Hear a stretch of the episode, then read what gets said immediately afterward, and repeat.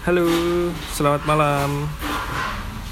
Eh, kita ketemu lagi di Torch Show episode nggak tahu berapa nanti di posnya ya kan.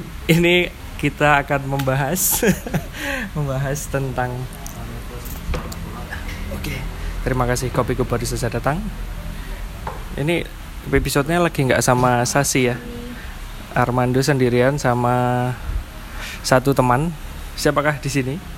Di sini, Hai teman-teman, perkenalkan nama aku Lintang.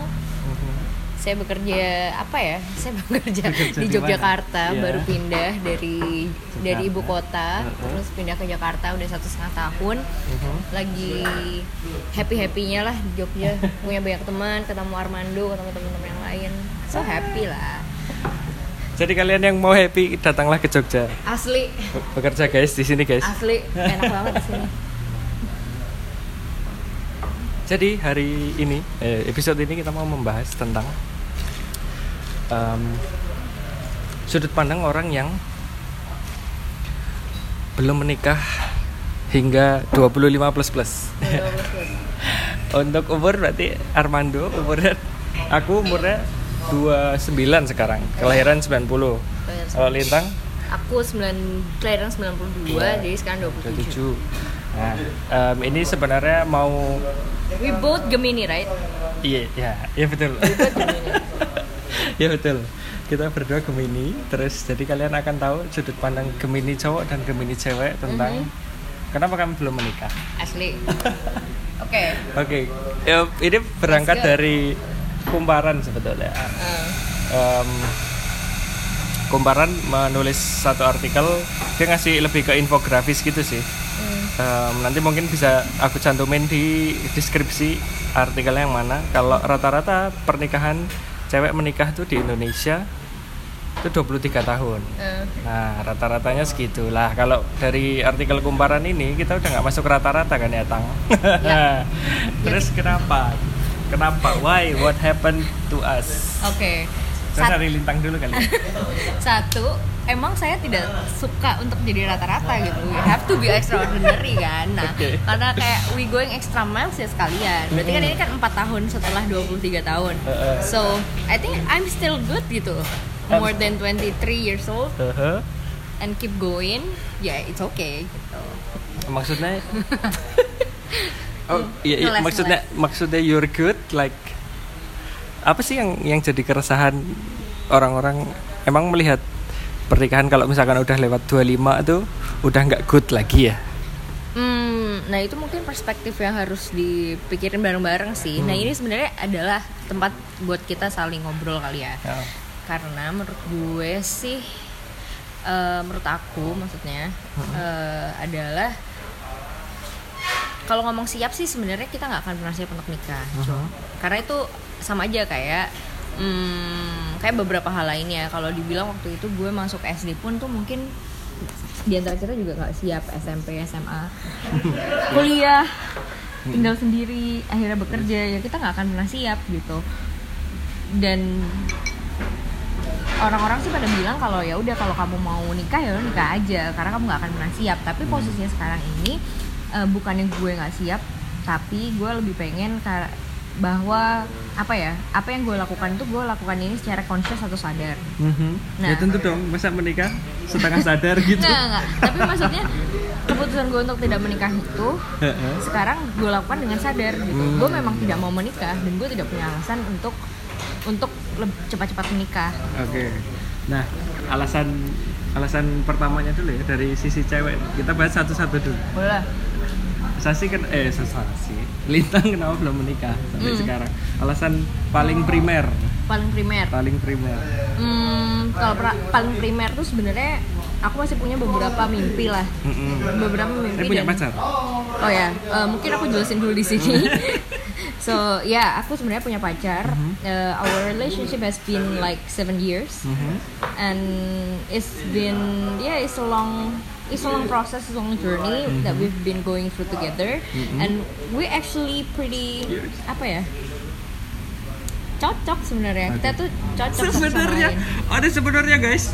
Semoga Iya, pacarnya iya. tidak dengar. Enggak, tapi kita cocok sih, kita Heeh. cocok, kita cocok banget gitu. Eh, tapi kebetulan ini kan juga LDR. Nah sebenarnya Ah. obrolan soal menikah itu sudah diobrolin di setahun terakhir ini. Mm-mm. Karena kayak ya kita udah lama banget dan LDR itu dari awal atau how? baru satu setengah tahun setelah aku pindah ke Jogja ini. kan. Oh, oke. Dulu Dia di Jakarta sempet- berarti? Dulu sempet LDR juga. Nah, di Dulu sempet LDR terus ba- terus bareng di Jakarta terus Mm-mm. sekarang LDR lagi lah. Oh, Intinya gitu.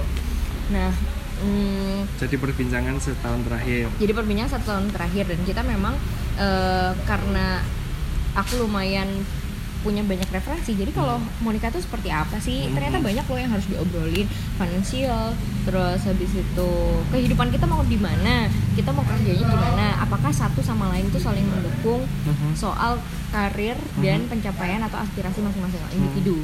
Nah itu ada banyak banget yang diobrolin dan you know what? Itu nggak gampang.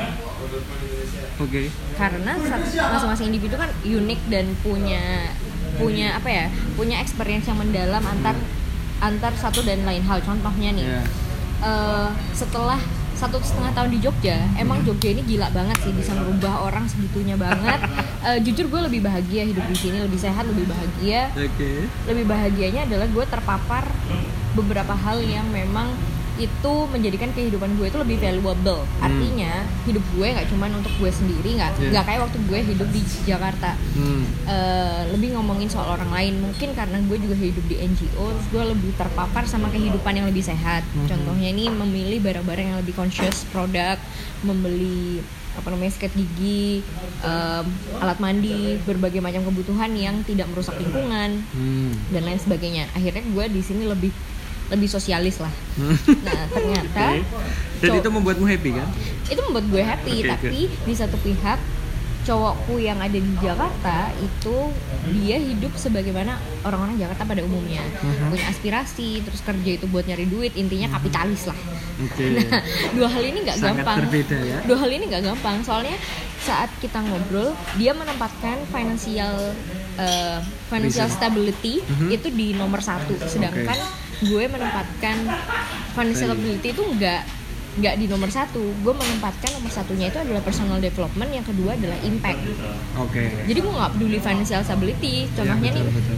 karena gue merasa itu belum penting dan gue merasa gue bisa bercocok tanam satu sekarang gue bisa bikin kompos Oke, good. ya itu jadi gue bisa sustain kehidupan gue sendiri dari Alam. alam Yes. Intinya gitu nah itu kan ada beberapa hal yang harus diobrolin kan. Da- jadi dalam setahun ini kita ngobrol dan lebih dekat akhirnya kita eh, apa ya jadi ya itu karena banyak banget yang diobrolin ternyata kita semakin eh, dalam untuk memaknai ini. Awalnya tuh susah banget kayak sering berantem lu maunya apa sih? gitu. Nggak usah ngomong kayak gini kita jalanin aja. Hmm. Nah, tapi nanti mungkin gue akan cerita satu lagi kenapa kita butuh ngomongin ini. Singkat cerita Yes. adalah eh, karena kita belum sepakat dalam beberapa hal, contohnya kayak kita mau hidup di mana, kerjaannya akan siapa. Karena ada dua perspektif. Di Mhm. saat lo dua individual, apakah nantinya dua-duanya ini Bekerja. akan bukan bekerja, bertumbuh. Kan semua orang punya aspirasi ya. Contoh lo pengen apa, Mhm. cewek lo pengen apa. Hmm. Hmm, dua-duanya ini bertumbuh sesuai dengan keinginan masing-masing Ya. Ini apakah dua-duanya akan saling mendukung terus? Ya. Pada kapan, pada suatu saat kapankah akhirnya satu dari antara kalian akan mengalah untuk yang hal yang lain? Hmm. Nah itu kan ada hal yang harus diobrolin. Ya, ya. Nah akhirnya kita intinya belum sepakat di satu Soal hal dan itu. dua lain. Akhirnya ya sudah, memang kita belum belum siap untuk menikah. Oke. Gitu. Berarti ada hal-hal yang belum selesai diobrolin. Benar. Menurutmu dibalik berarti. Kalau kebanyakan orang Lu dulu Indonesia dong jawab enak aja. Anda Anda ingat, oke. Anda jangan me- Kalau- mengkibuli saya. kalau kalau aku belum menikah tuh lebih ke karena em, pengalaman pengalaman batal menikah kalau kalau lintang lebih ke karena pengalamannya di apa namanya eh, interaksinya bersama pacarnya kalau aku sama sih cuman lebih miris gitu tuh kemarin em, ada yang sudah dekat terus mau menikah tapi akhirnya tidak jadi menikah gitu. Hmm. nah mungkin karena itu Hmm. itu terjadi eh, ya set- setahun hampir dua tahun berarti dua Hmm. tahun yang lalu tuh kandas gitu nah em, awalnya itu memang di, di dikhususkan eh maksudnya hub- hubungan itu dibangun kami tidak kenal sama sekali kami bukan dari circle yang sama. Hmm. terus ketemu eh, dipertemukan sama Tuhan terus akhirnya bisa ngobrol terus akhirnya ya ya sama kayak kamu lah prosesnya. Ngobrolin hal-hal yang perlu dibahas akhirnya kita bisa jadi. Jadi terus memutuskan untuk pacaran pacaran dipersiapkan untuk menikah ya gitu. Oke jalan jalan jalan jalan gitu. Banyak plus minusnya tahu. Terus kita kan kalau punya hubungan tuh kayak ngupas bawang ya. Jadi eh, setiap kulit yang kamu kelupas tuh apakah menentukan apakah kamu akan melanjutkan hubungan itu atau tidak gitu nah ada di satu sisi di satu titik di mana em, aku sangat bimbang gitu menentukan apakah lanjut atau tidak setelah aku mengupas satu satu kulitnya dia gitu. Nah intinya begitu terus akhirnya em, kami ngobrol. Aku sudah melakukan apa ya waktu itu? Kayak intinya kalau orang Jawa bilang sih ngomong nyindir halus gitu ya. Pelan-pelan lah ngomongnya. Enam bulan aku sabar itu waktu itu. Ada perbedaan perspektif. Terus aku ngomongnya enam bulan. Em, tapi itu tidak ditangkap ternyata gitu. Nah aku I'm going going hard gitu going big. Waktu itu aku bilang kalau ya udahlah kita putus aja gitu. Nah dalam rangka menyampaikan bahwasanya perspektifnya ini tidak cocok denganku. Karena sudah di, berusaha disampaikan selama enam bulan dengan cara yang halus tidak diterima gitu. Nah makanya I'm going. Waktu itu em, akhirnya putus dan tidak berlanjut. Harusnya kan berlanjut tuh kan ada ke sepa- kesalahpahaman segala macam gitulah. Nah akhirnya membuat kami tidak lanjut. Nah itu sih sebenarnya. Mungkin karena itu dan karena Gemini juga. Bukan nyalahin Gemini ya juga. Wah, Anda jangan bawa saya. kebanyakan mikir gak sih kalau Gemini itu Hmm, well you think kayak kanan kiri kayak naik motor aja deh kanan atau kiri tapi kita udah pilih kanan tapi kiri gitu kalau jalannya sepi well we can do that ya ya ya. Sebenarnya you do iya that sih. kan Iya sih. Gemini gitu kan Iya. Nah. Jadi overthinkingnya Gemini itu menurutku karena labil aja sih. nah betul labil Why you have to labil? tapi kadang kita juga bisa mik apa oh, udah kalau udah A ya A aja gitu Iya iya exactly. kayak kamu aspirasinya pengen punya value sama pengen selalu bertumbuh gitu ya udah Hmm. itu aja gitu. Hmm. itu kan. Itu yang kedua. Eh apa? Dari sisi Gemini cewek dan dari sisi Gemini cowok. Terus em, banyak sih sebenarnya. Kenapa belum mau menikah? Nah tadi eh, menarik sih. Siang tadi Sasi melempar eh, pertanyaan ke netizen. Halayak Twitter kenapa sih? Em, ini yang yang unik-unik ya. Kita coba buka. Tweetnya Sasi. Kelihatan nggak? Nah coba absen di sini yang sering ditanya kapan nikah. Terus coba cerita. Pertanyaan absurd ajaib nyebelin menguji iman. Kayak apa yang pernah ditanyain ke kalian cuma gara-gara belum nikah? Nah itu menarik sih. Banyak banyak perspektif dari sini terus yang pertama nah, ini sama kayak aku Men, dari Mandy. At Richie Mi Margot. Kamu belum merit sampai sekarang karena trauma ya? Kemarin sempat batal merit. Nah itu ada yang bertanya kayak gitu ke Mandy. Orangnya nggak kenal kenal amat sama Mandy. Nah menurutmu proper nggak? Orang nanya gitu ke Mandy Enggak lah, dude, come on.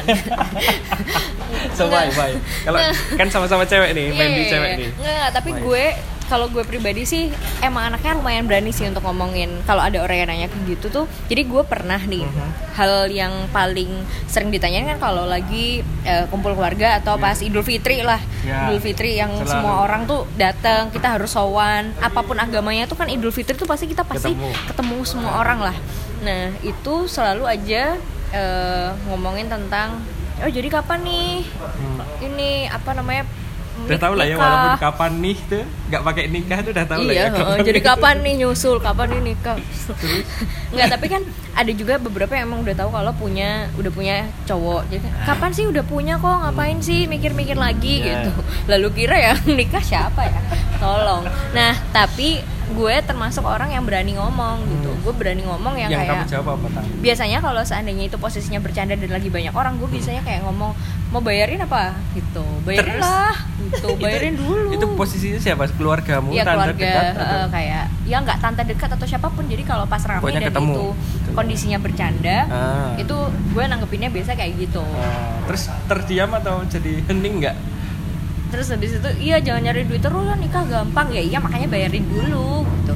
Ya, ya, jadi kayak gitu sih. Biasanya kalau bercanda dan gue lagi mood ya gue tanggepin itu. Oke. tapi Kalau gue juga lagi- pernah yang bener-bener ngasih statement yang eh, yang eh, lebih parah. Jadi waktu itu meninggalnya budi gue jadi Oke. waktu itu budi budi aku meninggal nah waktu budi aku posisi meninggal, melayat berarti dong ya posisi melayat nih Oh ini tuh Oke. gue mikir kayak aduh Kumpul ya keluarga dong pasti kan, melayat kan? iya asli benar. nah Terus? jadi waktu itu ada satu orang ya pak de pak de gitu loh tapi tuh Pak dia dekat atau- personal tuh aku nggak tahu Nggak dia dekat? siapa oh gitu jadi satu aku nggak pernah ketemu kayaknya pernah ketemu mungkin tapi karena acara keluarga besar jadi nggak ngeh Ya, juga sih ya, sebenarnya yang siapa? Pak D kan banyak banget nah jadi posisinya Pak D ini lagi ngobrol sama ayahku yes Nah, langsung Pak D ini ngomong gini, "Lah, Lintang, kapan nikah? Ayo." Nah, satu hal adalah ini acara eh, berduka. yes Jadi please dong, lu tuh nggak punya apa, lu please make sense apa namanya eh, have a sense Iya, gitu. iya, benar, Sekarang benar, kan benar, benar. lagi berduka lo harusnya memang eh, ngobrol yang bener aja lah Iya. gitu. Yang kedua, satu, gua gak kenal lu. Terus Hmm. gue gak kenal lu, terus gue Kenapa? gak tahu lu apa kontribusinya di hidupan gue.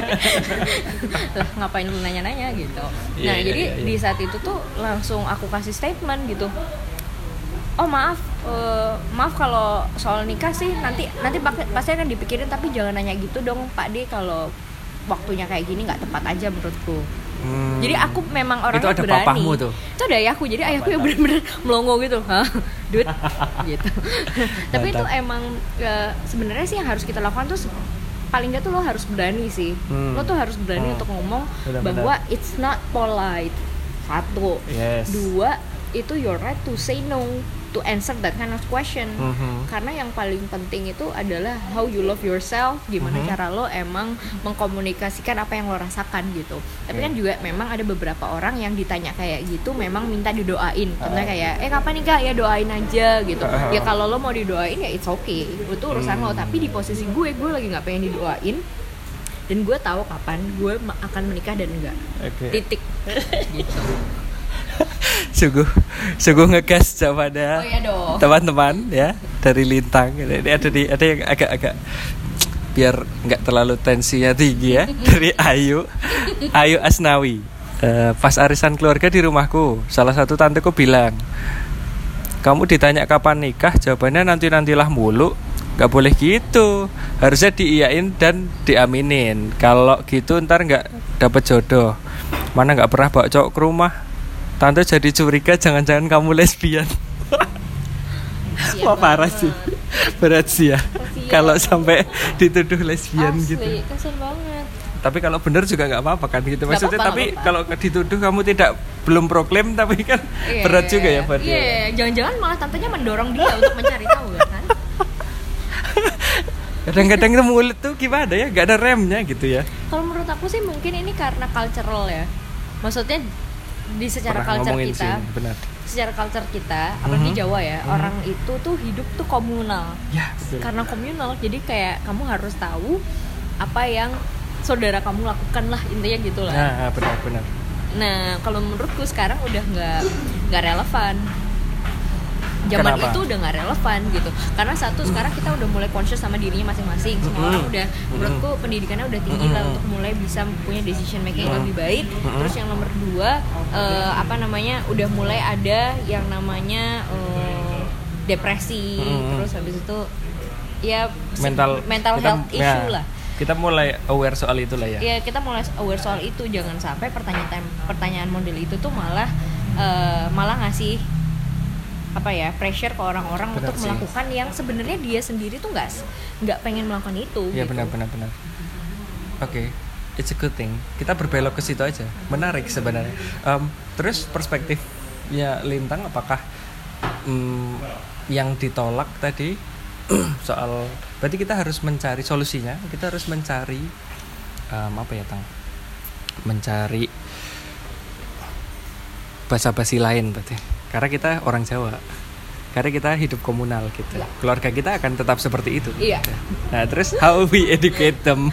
Hmm, jadi intinya adalah pokoknya ya, intinya mencari bahasa basi lain kan. We start to.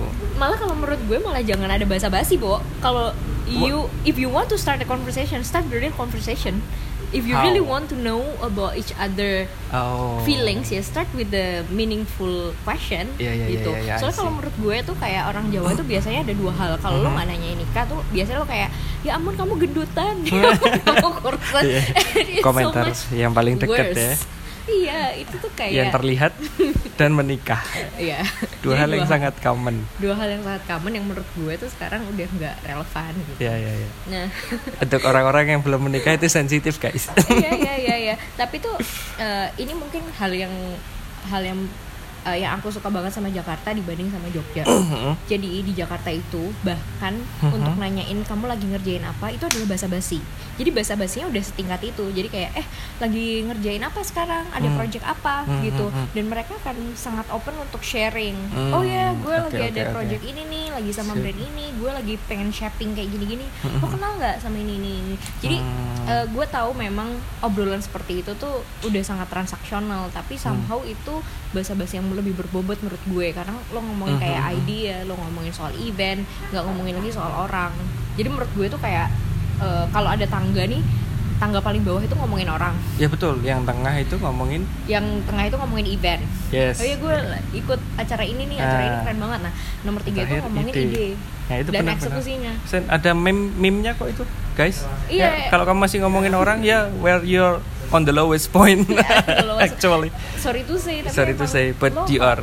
iya you are. Jahat banget sih. Ya nggak apa-apa. Biar mereka tahu. Kalau lo emang pengen cari bahasan bahasa basi, lo start with meaningful conversation. Lo bener-bener pengen tahu nggak? Atau lo cuma pengen nyolek aja. Daripada lo nyolek dan menyakiti hati orang, mending lo Iya, diem aja gitu. so pesannya untuk kalian. So carilah bahasa basi lain gitu. Kita memang memang memang hidup di apa namanya community atau society yang em, dinilai berdasarkan kemampuanmu untuk bahasa basi padahal aku pernah bahas ini sama temanku di kantor Hmm. Eh, padahal eh, berbahasa Indonesia itu tidak didesain untuk bahasa basi sebetulnya Oh ya? ya Kenapa? gitu jadi Gimana maksudnya? jadi gini em, bahasa Indonesia itu memang tidak didesain untuk bahasa basi tapi kita eh, value orang-orang yang pintar kemampuan interpersonalnya baik. Kayak pintar bahasa basi dulu lah paling mudah kan gitu. Kemampuan interpersonal interpersonalnya baik kan dinilai dari bisanya dia membuka obrolan atau tidak gitu dekat Hmm. dengan orang baru atau tidak. Hmm, nah hmm. eh, paling mudah ginilah contohnya kemarin Pak Imam Nahrawi. Pak Imam Nahrawi Oke. eh, Menpora yang kemarin itu Hmm. aku pernah lihat videonya di Twitter em, staff-staffnya itu menangis bahkan ketika dia dijemput KPK guys itu orang korupsi koruptor kenapa kalian menangisi koruptor? gitu. Well itu karena kemampuan Pak Nahrawi. Kalian kalau ngelihat Pak Imam em, di setiap kesempatan kan selalu kayak hangat gitu ya. Hmm. kesan yang ditimbulkan tuh hangat gitu kan. Nah ya gitu. Kemampuan interpersonalnya memang baik gitu. So we value more eh, orang-orang yang punya kemampuan interpersonal baik gitu. Nah waktu itu kita obrolin, oh ya bener juga sih gitu kalau misalkan kayak gitu. Nah sementara di bahasa Jawa ya tidak ada. Kayak bandingin aja sama orang Inggris, eh bahasa Inggris gitu. Kita kan ada bahasa basinya, bahkan diajarkan. Hmm. Kalau kita ketemu orang di stasiun, or ya orang yang nggak kamu kenal lah, di, Hmm. di bar, di stasiun, di tempat umum lain, kita kan bisa ngomongin cuaca ya. Eh Jogja lagi panas ya. itu kan aneh ya kalau di Indonesia ya. Bahasa basi yang aneh gitu. Nah kita Oke. perlu mencari sebagai bangsa, kita perlu mencari bahasa basi yang aneh supaya tidak ofensif guys. Eh tapi tuh sekarang tuh kayak ngobrolin horoskop itu tidak jadi bahasa basi. Nah, bahasa basi juga. Gemini, Gemini juga kan? kan. Nah itu menarik. Coba ngomongin ide. Kalau nggak event, kalau nggak horoskop berarti ya. Jangan kapan nikah, gendutan kurusan. Nah, masukin itu ke kotak, buang ke laut. Ganti gitu ya. Terus ada lagi nih em, dari Rizky Arti. At Rizky Arti RH RJ. Waduh. berat namanya aku Mbak Sas baru lulus kuliah Agustus kemarin lalu selamat Rizky udah lulus kuliah Em, wah ini sama nih ceritanya kayak lintang pas kedukaan seribu hari eyangnya. Em, ditanyain sama salah satu kerabatnya udah lulus kan? Jadinya dijawab sama dia Bude sama tante mau nyumbang berapa nih? Insya Allah tahun 2022 nikah. Ngumpulin uangnya dari sekarang mantap. Dia langsung punch back. So ya betul. Terima Semoga kasih Rizky. 2020 nikah ya. amin. Rizky selamat sudah lulus ya keep punching back. Punching bag. kasih edukasi ya sama kerabat-kerabat kita bahwasanya itu nggak oke. Bertanya seperti itu nggak oke. Em, terus ada lagi yang keresahannya itu pilih-pilih. Di- dinilai terlalu pilih-pilih ya. Dari bukan siapa-siapa. Ed Setiapuji 09 kamu kenapa sih nggak nikah-nikah? Terlalu pilih-pilih sih kamu. Gue. Ya iyalah pilih-pilih kan buat sekali seumur hidup. Dipikir nikah kayak beli cilok ya bener lah ya bener bener Aku kocak sih kalau kamu pernah dibilangin gitu nggak Hmm. nggak mungkin lah ya kan kamu tahu tujuh tahun ya tujuh tahun itu Iya. waktu yang tidak sebentar Waktu yang tidak sangat tidak iya sebentar. tidak sebentar Eh, tapi itu eh, jadi gini kan kemarin itu jadi karena posisi setahun ini kita lebih sering ngobrol dalam antara gue dan pacar gue Mhm. Eh, jadi aku juga mencari masukan dari teman-teman atau mentor-mentor yang memang sudah duluan menikah lah oke terus akhirnya aku ingat eh, punya satu teman dekat yang pada saat kita lulus kuliah dia tuh langsung nikah jadi pada saat Hmm. itu umurnya kayak masih dua-dua lah Hmm. menikah udah beberapa tahun lalu eh, terus berarti dia sudah lima tahun ini menikah ya Iya udah lima tahunan lo menikah. Nah Terus? akhirnya eh, kita ngobrol nih. Jadi waktu itu aku nanya ke dia, eh by the way kamu kan nikah duluan nih. Hmm. Pada saat itu aku tahu pada saat itu kamu tuh masih muda banget nih. Hmm. Dan kamu akhirnya memutuskan menikah. Hmm. Nah pertanyaanku adalah, Mhm. aku aja yang mau menikah ini ada beberapa yang harus diobrolin dan Hmm. aku baru sadar obrolan ini tuh penting banget sebelum nikah. Hmm. Nah, pada saat itu apakah kamu ngobrol Sudah, sudah, ngobrol atau enggak? Ah. Terus yang kedua, yang kedua jadi implikasinya ke kehidupanmu pada saat itu kalau kamu tidak ngobrolin tentang itu karena kamu masih muda banget, Mhm. itu apa yang terjadi di pernikahanmu? yes oke So, so jawabannya adalah jawabannya adalah ini menarik banget. cewek ya temanmu ya Cewek BTW? temanku. oke Jadi bahkan di waktu lima tahun menikah ini, Hmm.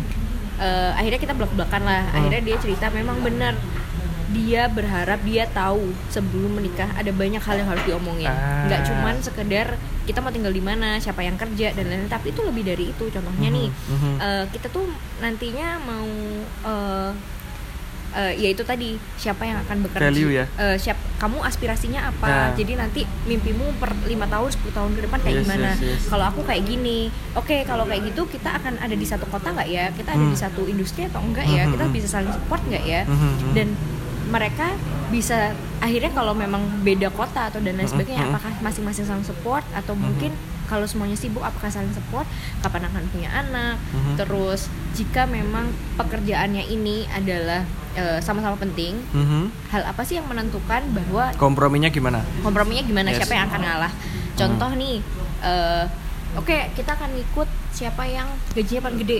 Oke. Berarti contoh tergantung kesempatan tergantung. berarti ya. Iya dan akhirnya ternyata si cewek ini gajinya lebih gede daripada Hmm, cowoknya hmm, hmm. Terus? saat perkembangan karir Oke. akhirnya cowoknya jadi ngikut si Yes. cewek ini kan dipindah kerja ke mana-mana Yes. jadi cowoknya ikut. Ikut. jadi setiap kali pindah kerja cowoknya harus cari kerja yang baru oke dan itu bisa menjadi masalah yang gede banget bisa jadi cowoknya ini nggak bisa dapat kerjaan secepat itu yes betul akhirnya mereka berantem hebat dan bahkan sempat mau cerai oh wow that's the thing guys Oke. so uh, That akhir- hurts by- that's by the way gitu. yeah it it is Ka- kalau buat cowok sih ya, aku ngelihatnya dari sisi cowok eh, it it hurts our pride as a Iya. male Nah, tapi kan itu kan harus diomongin balik lagi ya. Nah. Apakah hubungan ini berdasarkan pride atau kalau bilang cultural base lah. Iya. Kan biasanya kan lelaki yang harus support. yes yes yes Tapi kan eh, pada saat itu yang mereka sepakati adalah siapa yang financial stability-nya paling oke, Hmm. maka yang ikut orang itu. Makanya kan pengukurannya nih banyak nih. Iya, iya, iya. apakah berdasarkan financial stability, apakah Yes. lo- kayak lo tadi kan berdasarkan value atau pride, Hmm, hmm. ataukah berdasarkan mana yang lebih dekat sama orang tua rumah ininya, Ah, tempat kerjanya. yes, itu kan yes. ada banyak banget tuh yang harus Benar, diomongin. benar. Nah, dia tuh sangat menyesal banget karena dia sampai ada di posisi mau cerai. eh, karena memang dia tuh nggak ngomongin itu di awal karena dia nggak punya ilmunya Oke. gitu so guys kalaupun kamu kamu akhirnya ketemu sama orang yang kamu akhirnya cinta banget dan kamu merasa kamu akan spend your your less rest your of life the re- your the less the rest of your life Oh, with iya. him or her Aha. eh, kayaknya itu harusnya lo emang bijak banget karena nantinya lo akan punya gesekan nih kalau lo cuma nikah gara-gara lo last or love or whatever itu nggak akan menyelesaikan apa pun. Yes, oke. karena malah yang membuat lo tuh akan akan saya sama dia adalah lo sama-sama tahu kalau masing-masing dari lo tuh berbeda. Hmm. dan itu nggak bisa lo pahami saat itu berjalan. Lo harus tahu dulu perspektifnya bahkan sebelum nikah. Nah, dan itu yang gue lakukan. Oke. gitu. Nah, itu. Itu yang dilakukan oleh Lintang sekarang. Kenapa dia belum menikah gitu?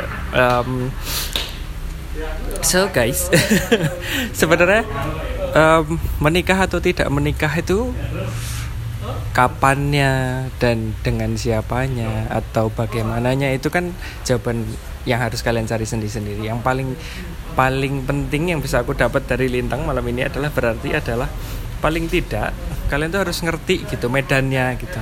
Gak asal nyemplung, gak asal lari, gak asal nikah gitu. Jadi kalaupun kamu menikah, paling tidak kamu mengertilah 50% pernikahan itu untuk apa. Kalau enggak ya seiring berjalannya waktu kita ketika sudah terlanjur menikah ya ya dibahaslah hal-hal yang belum dibahas gitu ya kan. Em, kalaupun kalian di posisi yang ya udah dua minggu lagi menikah ya mumpung masih ada dua minggu ya kan jangan ngomongin vendor doang tapi hal-hal yang penuh value itu ya deep talknya jangan lupa gitu jadi karena memang eh, pernikahan tuh nggak perkara sepele ya asli Asli, kalau kan? kalau lo emang pengen nikah cuman seumur hidup sekali gitu Iya betul ya udah emang lo harus banyak Memang. banget preparationnya tapi Iya, kalau lo betul. kayak it's okay to be cerai nikah lagi cerai nikah lagi Nah, gitu iya ya kalau lo nggak apa-apa dengan divorce Mhm. ya nggak apa-apa lo lo nikah juga nggak apa-apa Oke. Wah ini menarik nih, bisa diomongin di episode selanjutnya. Why divorce ya kan? Itu buat relationship juga masih masuk ke season pertama kita.